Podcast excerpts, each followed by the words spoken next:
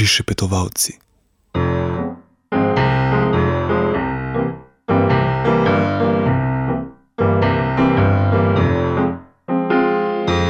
Želim živeti brez skrbi in tu jaz tiskam me ne briga. Vem, kar je treba vedeti. Življenje je odprta knjiga,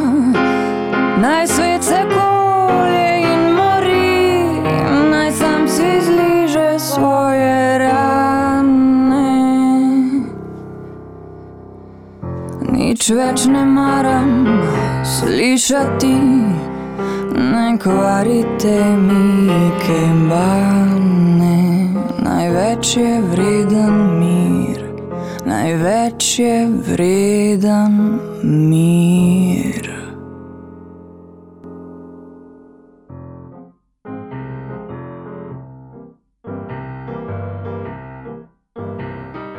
Pozdravljeni v oddaji Prišepetovalci na Radiu Student.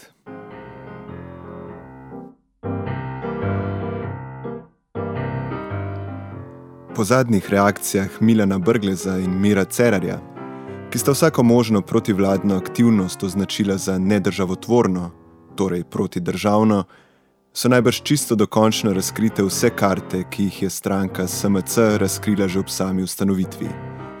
Njihova ideja je bila že takrat jasna. Ker so se odločili, da so kot taki popolna reprezentacija ljudstva, ker so se odločili, da so dobronamirni in dobromisleči, torej točno takšni kot vsi ljudje, je z njimi možno le sodelovati. Kdor v njih ne vidi tega ideala, je že v normalnih razmerah lahko samo zdrahar, bizarnež ali nedorasel otrok. Ko pa se prične govoriti o izrednih razmerah, ko se prične govoriti o tem, da bi bilo možno tudi čisto uradno razglasiti izredno stanje, takšna pozicija postane protidržavna in jo je posledično nujno izključiti ali osamiti.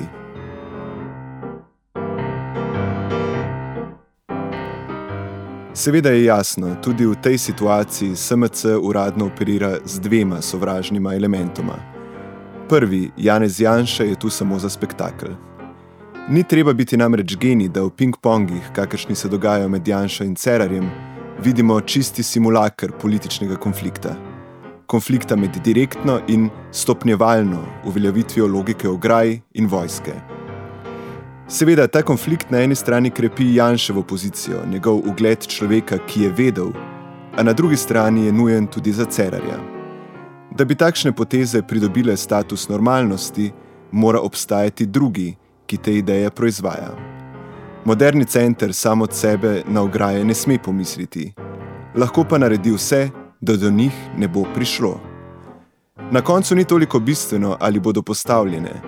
Za Cererja je bistveno, da deluje, kot da te ideje noče sprejeti sam, o čemer konec koncev čisto materialno priča omahovanje glede poimenovanja. Ne, to niso ograje, to so tehnične ovire, to so prepreke, to so prepreke oziroma ograje. In če jim na koncu rečemo ograje, to ni signal našega poraza. Ne bomo jih namreč postavili, ker jih hočemo, postavili jih bomo, ker jih moramo. Ne zato, ker bi se bali beguncev, temveč zato, ker je objektivna situacija tako resna, da nimamo druge izbire.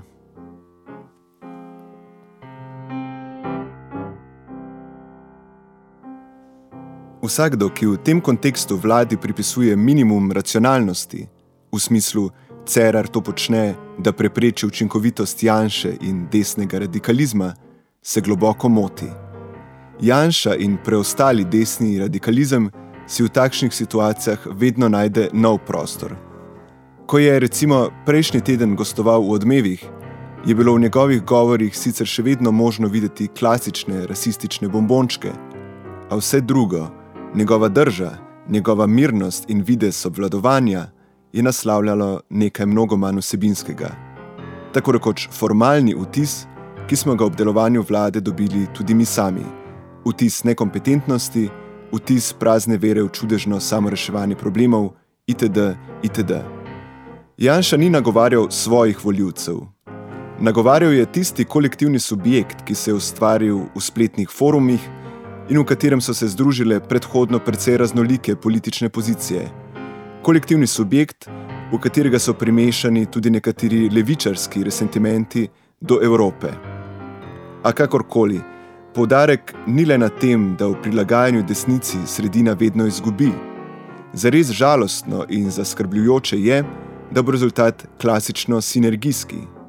Pridobila bosta oba, tako Cerar kot Janša, tako samo proklamirana sredina kot desnica. Ali bolje, končni zmagovalec bo ravno ta množica, ki se je vzpostavila na spletu in ki je dejansko uspelo transformirati celoten politični prostor.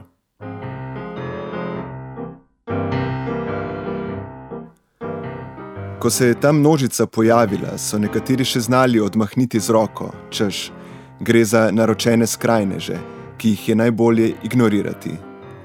Pa vendar, če smo forumske komentarje resnično brali, smo lahko na eni strani videli presenetljivo visoko stopnjo homogenosti na ravni načelnega strinjanja, na drugi strani pa precejšno heterogenost in zmedenost argumentov, čemu sploh se strinjajo. Ta množica je že pred dvema mesecema pozvala k postavitvi ograje. In ko bodo na koncu ograje tudi zares stale, bo ta množica za nazaj dobila dvojni dokaz. Na eni strani bo zdaj verjela, da je bila v svoji zmedenosti in ekstremnosti še kako racionalna, na drugi strani pa bo spoznala, da je prav pri konkretnem ukrepu, kateremu je pozvala, našla element poenotenja, točko prešitja lastnih protislovi. Ali je ograja obramba pred islamsko invazijo ali zgolj off gesta Evropi, na koncu ni več važno. Tako kot danes ni važno, čemu in kako se za njo zauzema Cerar in kako Janša. Važno je, da sta oba, tako izhodiščna množica kot naš politični razred, našla recept, kako stopiti skupaj in preseči nasprotja.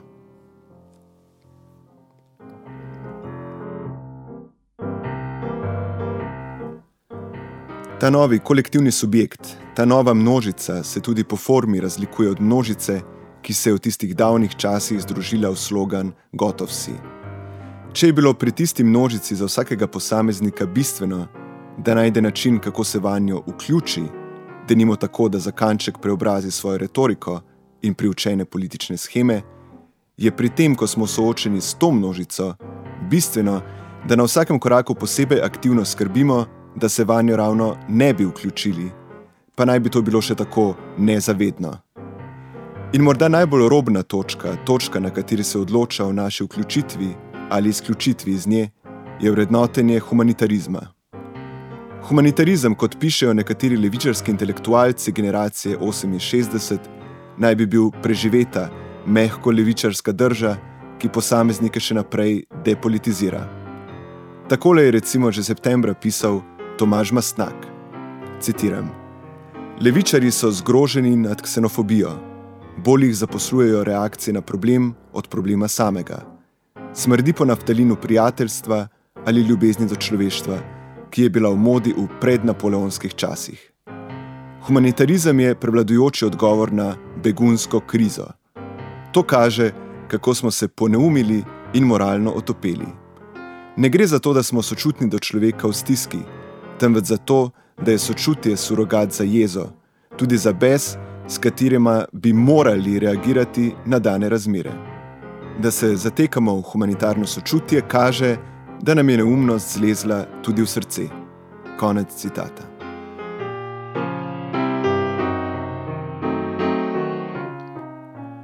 Težava te analize, ki jo je Mastnak v blažji obliki ponovil tudi pred dnevi, je sledeča. Ko humanitarizem vidi kot mehanizem depolitizacije, ima prav le v abstraktni situaciji, ki je empirično postala praktično neobstoječa. Ne gre le za to, da v teh časih to nikakor ni prevladujoča drža na levici. Še več, v novih razmerah, ko oblast za vsako človekoljubno izjavo najde svoj pa vendar, v razmerah, ko se v realni neoperativnosti v obmejnih taboriščih materializira diskurzivna stigma humanitarizma, včasih, ko se mnogi intelektualci spustijo neposredno pomoč na meji, in včasih, ko je tiste, ki tega ne storimo, sram, je humanitarizem postal svoje nasprotje. Postal je primarno gonilo nove politizacije. Politizacije vseh tistih, ki so v izrednih razmerah postali iz državne politične arene resnično izključeni element.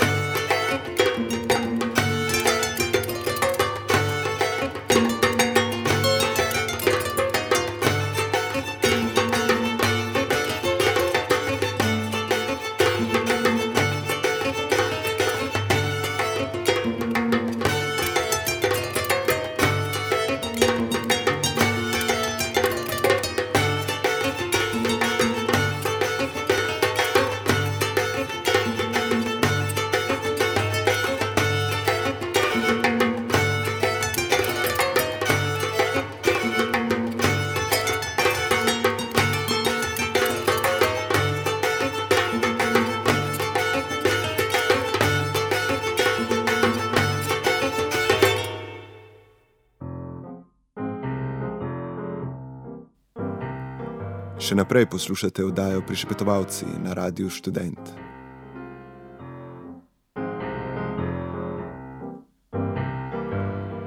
Še naprej bomo govorili o slovenskem in evropskem spoprijemanju z begunsko problematiko. Začenjamo, natančneje nadaljujemo, pri najbolj inovativni vseh evropskih inovacij - ograji. Govori Gregor Poš. Izhajam iz vprašanja ograje. Uh, ograje, ki se nam je zdela nekaj najbolj nezaslišanega pred enim mesecem, ki smo jo opazovali z študom na, uh, na mačarski meji, in ki postaja danes iz dneva v dan bolj del te, tega dela Evrope, in ki bo zelo verjetno nekaj, kar bo naslednjih 20 let del našega življenja. Ne? Ker te ograje, ki nastajajo, ki bodo nastale glede na nakazani dotok ljudi, in govorimo o milijonih, ki bodo verjetno prišli, ne? bodo zdaj postale trajnice, tako kot so bile na zahodno-vzhodni, uh, na točki vzhodne in zahodne Evrope, ne? na teh točkah delitve.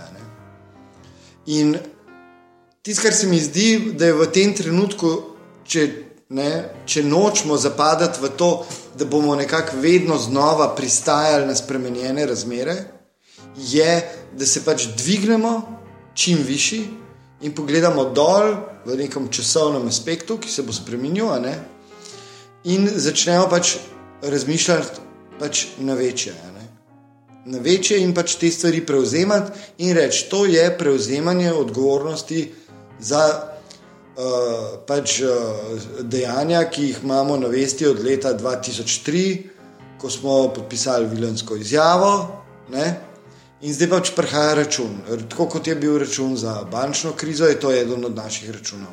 Ne?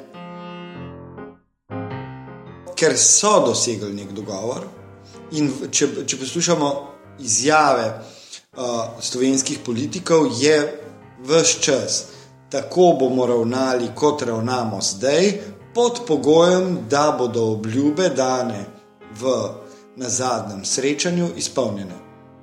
Ne?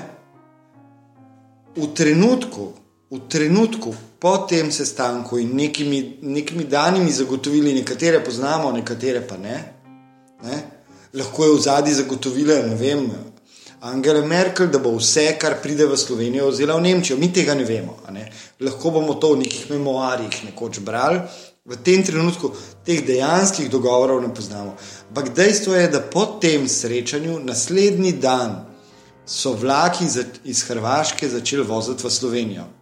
In ni bilo več tega osem, teh slik ljudi, ki marširajo 8 km iz ene strani meje na drugo. Ne? Z drugim besedami, vse, kar smo govorili 14 dni, pa zakaj te ljudje hodijo tam, če se vendar ta proga je povezana, se je uredil naslednji dan. Naslednji dan, ko očitno so bila dana neka zagotovila strani Evropske unije, oziroma lahko tudi samo ene države, torej Nemčije. Ne? To je dokaz, ne? prav to spremenjeno ravnanje, ko se je ta in Nič ni bilo bolj te fotografije, če danes pogledate svetovne medije, so povsod. Je ta dolga kolona, ki hodi čez polje, mimo kapelce. Jaz mislim, da je tle treba pač gledati na pravila propagandne vojne. In da to je v resnici propaganda v svojem, v svoji, uh, v svojem bistvu. Ne?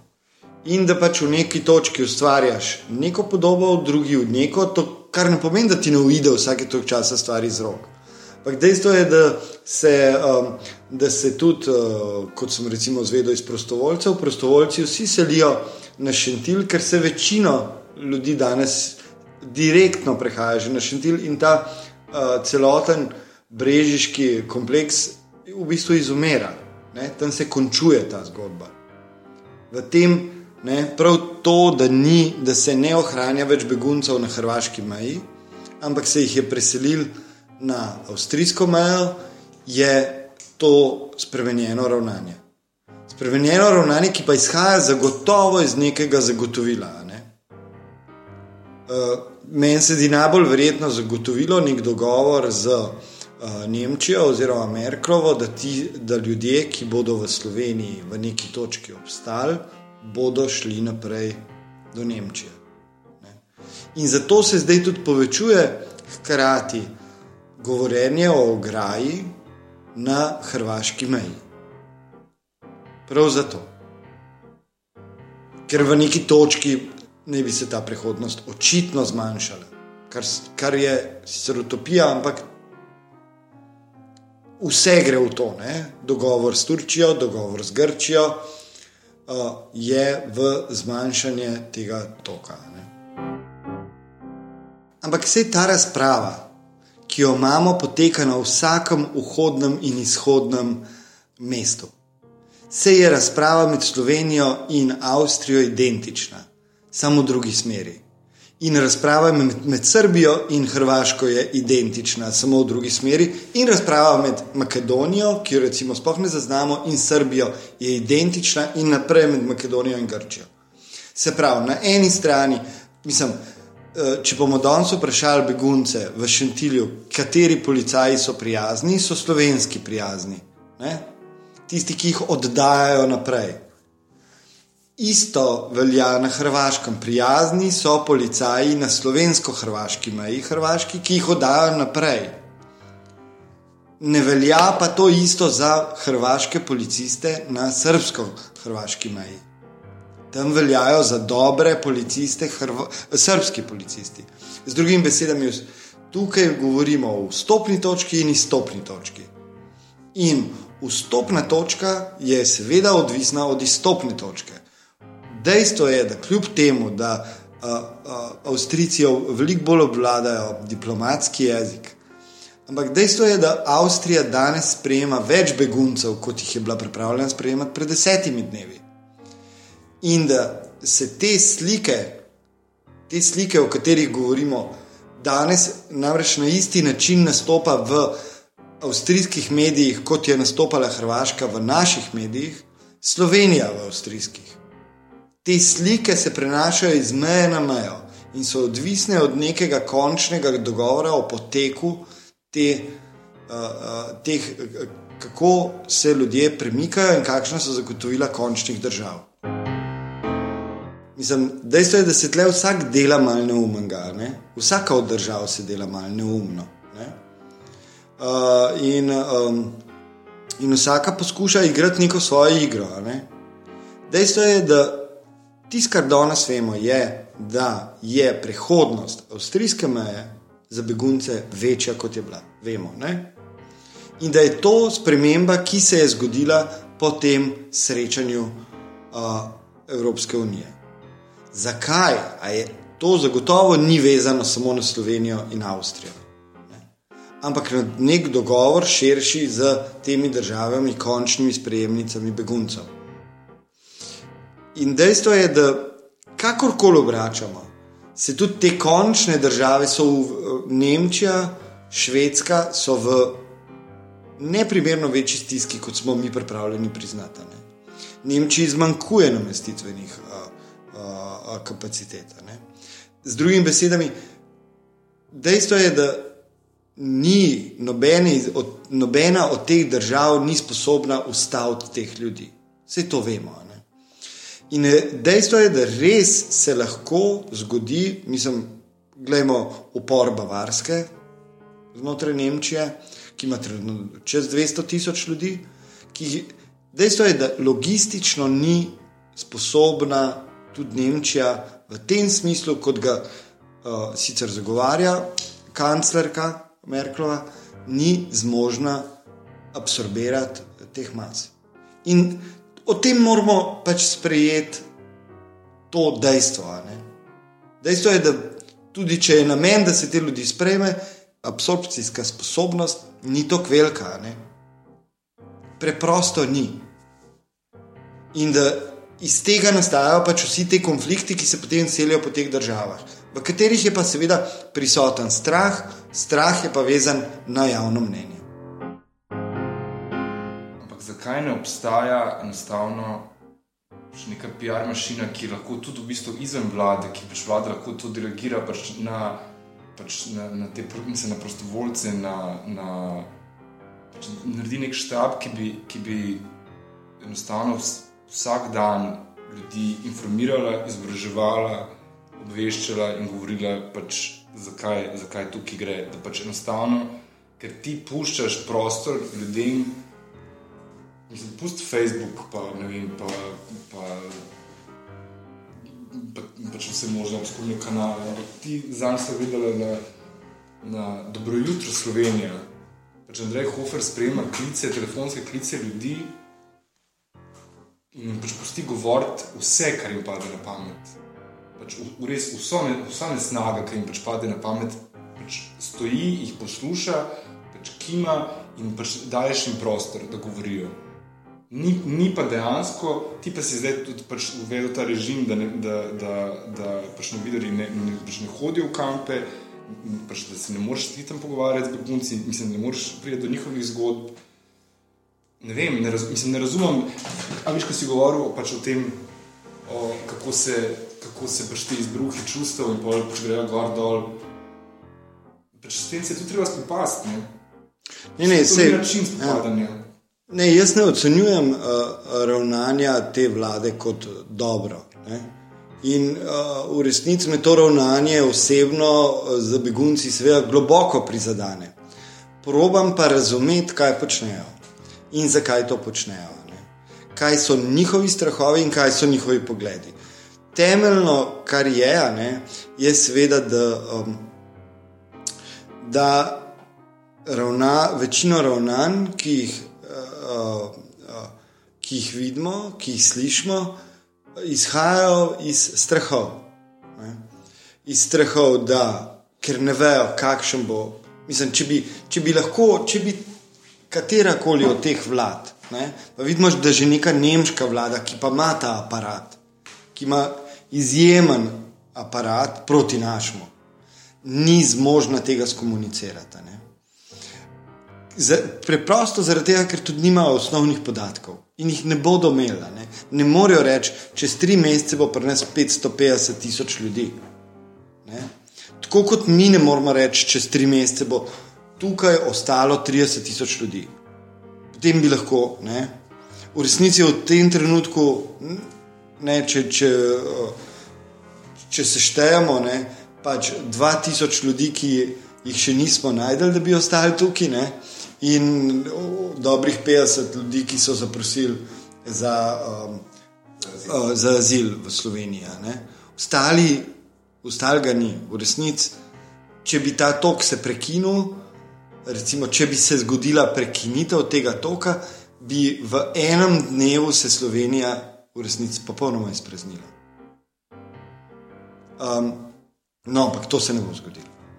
Z drugimi besedami, nimajo osnovnih podatkov, na katerih bi lahko neko resno strategijo gradili, poleg tega pa ta poklic pri nas v resnici ne obstaja. Ne. Bodimo iskreni, pri nas uh, um, ljudi, ki bi znali to se jed, razen v SDS-u, ker imajo par strokovnjakov, od Grimsa naprej. Ampak kjer bi se šli lahko, ker bi se znali neko pošteno, propagandno v tem smislu akcijo, jih v resnici ni. Tega znanja ni, tudi ni izkušen, tako kot ne, vem, ne znamo graditi stadionov, ne, tudi teh izkušenj nimamo. Um, Sveda je najlažji, mislim, prelahko se mi zdi v tem trenutku izrekati, in tega se uh, probujem držati, izrekati zelo dokončne sodbe o, o, o, ravnanju vlade. Tudi zaradi tega, ker sem na koncu na isti poziciji z ljudmi, s katerimi nočem biti. ne. Dejstvo je, da se tudi v mojih očeh stvari spremenjajo vsak teden in da se tudi moje, moje vedenje o tem spremenja. Ne? In da je zato zelo težko imeti te dokončne sodbe. Ne bi bil, hvala Bogu, ne, mi ni treba biti v poziciji, ko bi moral recimo komu kaj o tem svetovati. To je poteze, ker pač eh, vsak od teh igralcev bo poskušal imeti v unem trenutku čim manj kart v rokah, ne? oziroma čim manj beguncev pri sebi. Preprosto za to gre. Ja, vse to ja, drži, ampak tisto, kar vsi si probajo zagotoviti, da bodo imeli v tiste. Mislim, ne mejmo nobenih otvar. V trenutku, ko bojo, na, eh, ko bi, če bojo te ograje nastale, ne, to ne pomeni, da se prehajanje beguncev v tistem trenutku neha, ampak bo postalo razpršeno. Ne?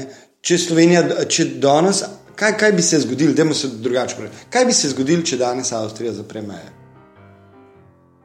Pač begunci bi se napotili proti Italiji. Ne? Je tako. Ne? In tako kot so se v dveh dneh iz Mačarske meje premaknili v Slovenijo.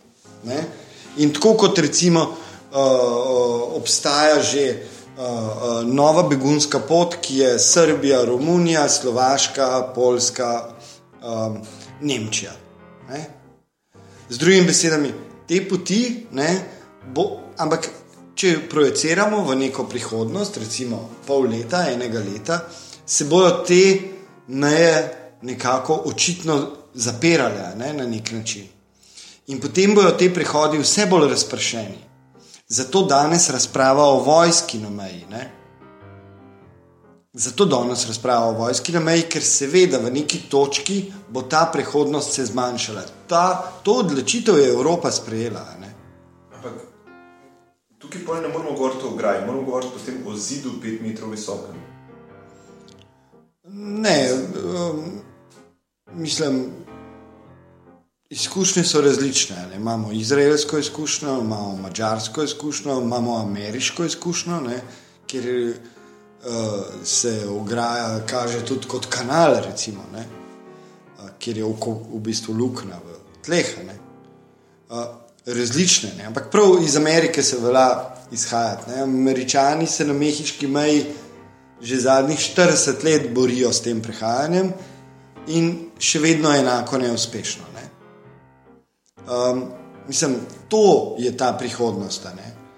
ki pa pomeni tudi, da se naš način dojemanja prehajanja meja spremenja. In um, o, tem, o tej spremenjeni prihodnosti, o neki prihodnosti, ko se to pač razprši.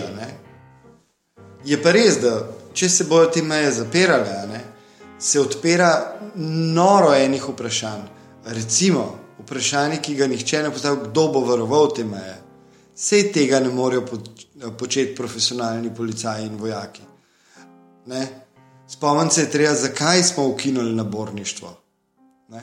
Zato, ker je bilo nepotrebno, ker varovanje mej v tem smislu, ki smo ga poznali, znotraj Evrope ni več potrebno. Če govorimo, da bodo nastale meje, bomo hmal govorili o najprej o okrepljeni civilni prostovoljni zaščiti, in na to lahko spet začnemo govoriti o naborništvu uh, in o vseh teh stvareh.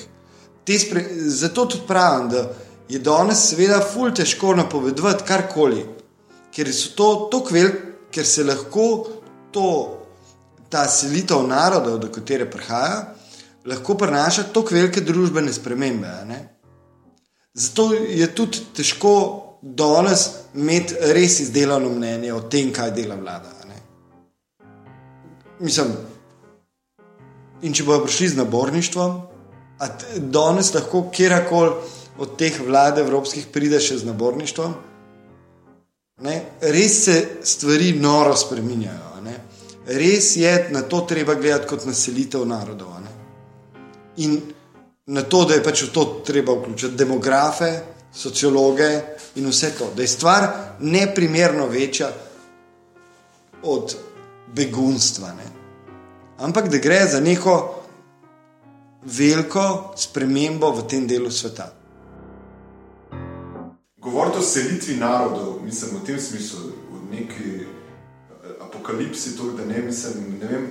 Eh, a ne bi morali, mislim, imeti enega mesiča, ne vem, pa se pa to ni tako težko. Točno to. Ne, pa sej, Da, da, je to res ni tak problem. ne, eh, v resnici je v Sloveniji še uh, specifičen problem. a ne. Uh, in sicer, da je po um, razpadu Jugoslavije a ne, in vklopu v, uh, v vključitvi v Evropsko unijo, noro, ampak res ta država postala noro bolj zaprta, kot je bila kadarkoli prej. Ne? Da je v resnici ta, to, kar smo rekli, zdaj smo se pa res odprli, ne, povzročili neverjetno zaprtost. V resnici je sem se v to državo po teh dejanjih odpiranja priselili noro malo ljudi in je to res, v resnici je čistost, čistost in s tem ksenofobnost ne, v teh prostorih res neverjetna. a Ne. Mislim, tukaj je, tukaj je vsak študent z Hrvaške malo čudo. ne. Uh, tukaj je, je vsak tujec, ki se preseli zato, ker dela za farmacijsko podjetje, farmacijsko podjetje pri nas, je sprejet z odprtimi rokami, ker je tako mali čudež. ne. In v tej zaprtosti, v tej zatohlosti, ne, ki pa je, tle se pa celo strinjam s to populistično kritiko ne, te Slovenije, kjer je zelo malo uh, prehodnosti, a ne, je ta šok srečati, pa ravno, uh, ravno um, iz področja, ki se ga zadnjih 20 let, ne, 20 let stigmatizira in stigmatizira. Mislim, mi v vseh poročilih, v vseh javne televizije go- poslušamo o islamskih skrajnežih. Mislim, kje pa naj to rezultira, to recimo deba. In prav to se nam dogaja, vse te debate, ne, stare, kjer smo mi vedno izpadali kot eni res težaki, ker smo govorili, ne morete govoriti o islamskih skrajnežih, pa ste kaj govorite o eh, kako se izražate. Ne, ni ta podoba bližnjega vzhoda, ni tako poenostavljena. Ne, mislim, danes vse te napake, ta zaprtost, ta v resnici tega, da nismo znali niti iz bivše Jugoslavije, niti zdravnikov zvabiti k nam, niti nikogar. Ne. Uh, zdaj, seveda, daje rezultate. ne. Zdaj to, to vse dobili smo popolnoma nepripravljeni v glavo, vse to, vse te dolgoletne napake, vsa upozorila, ne vem, Mateoža Krivica, da lahko se malo odpremo, pa podelimo komu azil, tako da bomo samo tisočinko naredili to kot povprečna evropska država. Mislim, mi smo iz, uh, v času uh, uh, vojne na Kosovo dali sedmim ljudem ali osmim azil, Avst Avstrijci pa 90 tisočim. Mislim, to je zdaj rezultat vsega tega. To so ti naši šoki. To je tako, kot uh, uh, ne vlagamo v zdravstveni sistem že za, uh, od uh, krize, in potem se nam zgodi primer radan in vidimo izkrivljenost ljudi, uh, ponorene zdravnike, ne pa da je to pač posledica. Ne, pet let norega šparanja na področju zdravstva, kjer si ukinil vse notranje sisteme kontrole, kjer si obremenil vse ljudi, in na koncu je to rezultat. Pač, ne? In v ta rezultat, to zaprtost, to čistost, to čistost, ker v resnici pa to res, mislim, čistost, seveda v negativnem smislu. Uh, smo dobili val beguncev. Ja, ki, ki smo jih dali v tako stanje, da, da so ljudje okrog, eh, okrog pač, eh, lahko govorijo o tem, da smrdi iz tistih taborišč. Ne? Pa se dejansko smrdi v Ja, teh taboriščih, kako- ker tam je- ni, je ker tam držijo ljudi, ki hodijo, ne, ker tam, mislim, vsi mi bi enako smrdeli. Pa ne, se, za tudi pravim, no, glej, se, daj so, ja, še dodaten, mislim, eh, v prvi priliki bi se samo še potencirali, pač, ne, do, živi dokaz so ustvarjali. Absolutno, absolutno. Uh, to, je, uh, to vladno ravnanje je seveda z njimi, v, že v tem, da jim ne daš des, 50 diksijev, vsi vemo, da je diksi, VC, popolnoma res mal stane, da ga najamaš, ne? um, in eh, da jim ne daš stranišč. Ne? Pa to res ne izkazuje čistega, čistih možganov. No? Uh, tega nihče ne more razumeti. Nobene racionalnosti ni pri tem, razen neka slaba vest, ki jo češ. Uh, če bomo dali tem beguncem preveč, bodo ljudje rekli, zakaj pa mi ne dobimo tega. Ja, ampak se jim ne boš dal. Sveda jim ne bo Se dal. Tem ljudem ne boš dal. Ja, ampak je pa res, je pa res da tega, tega si nihče od nas ne zna razložiti. Zakaj jim ne daš VC-jev, zakaj ne pripeleš kontejnerjev za smeti, tega, tega in ne na zadnje, zakaj res ne da zgleda, da ravnaš z njimi grdo, ampak v veliki meri ravnaš grdo. Tega si nihče ne zna. Mislim, tega se pravi, s tem, tisti, ki more spati s tem, mora biti zelo um, hladen človek.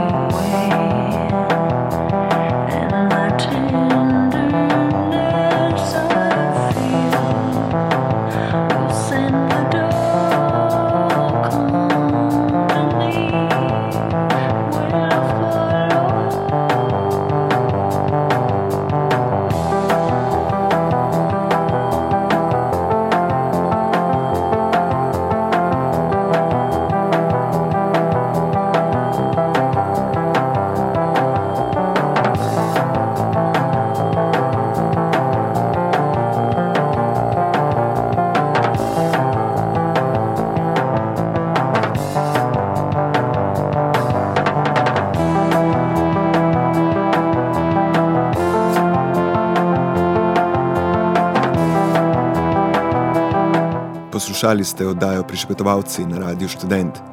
Pripravila svojo Aleš in Tadej, tehniciral je Plaš.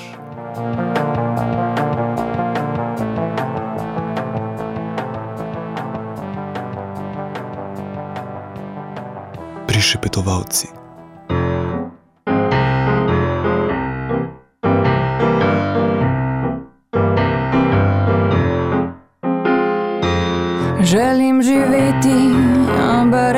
Skrbi in tu jaz stiska me ne briga. Vem, kar je treba vedeti. Življenje je odprta knjiga, naj svet se kolje in mori, naj sam si zliže svoje rane. Nič več ne maram slišati, ne kvarite mi kembane. Največ je vreden mir, največ je vreden mir.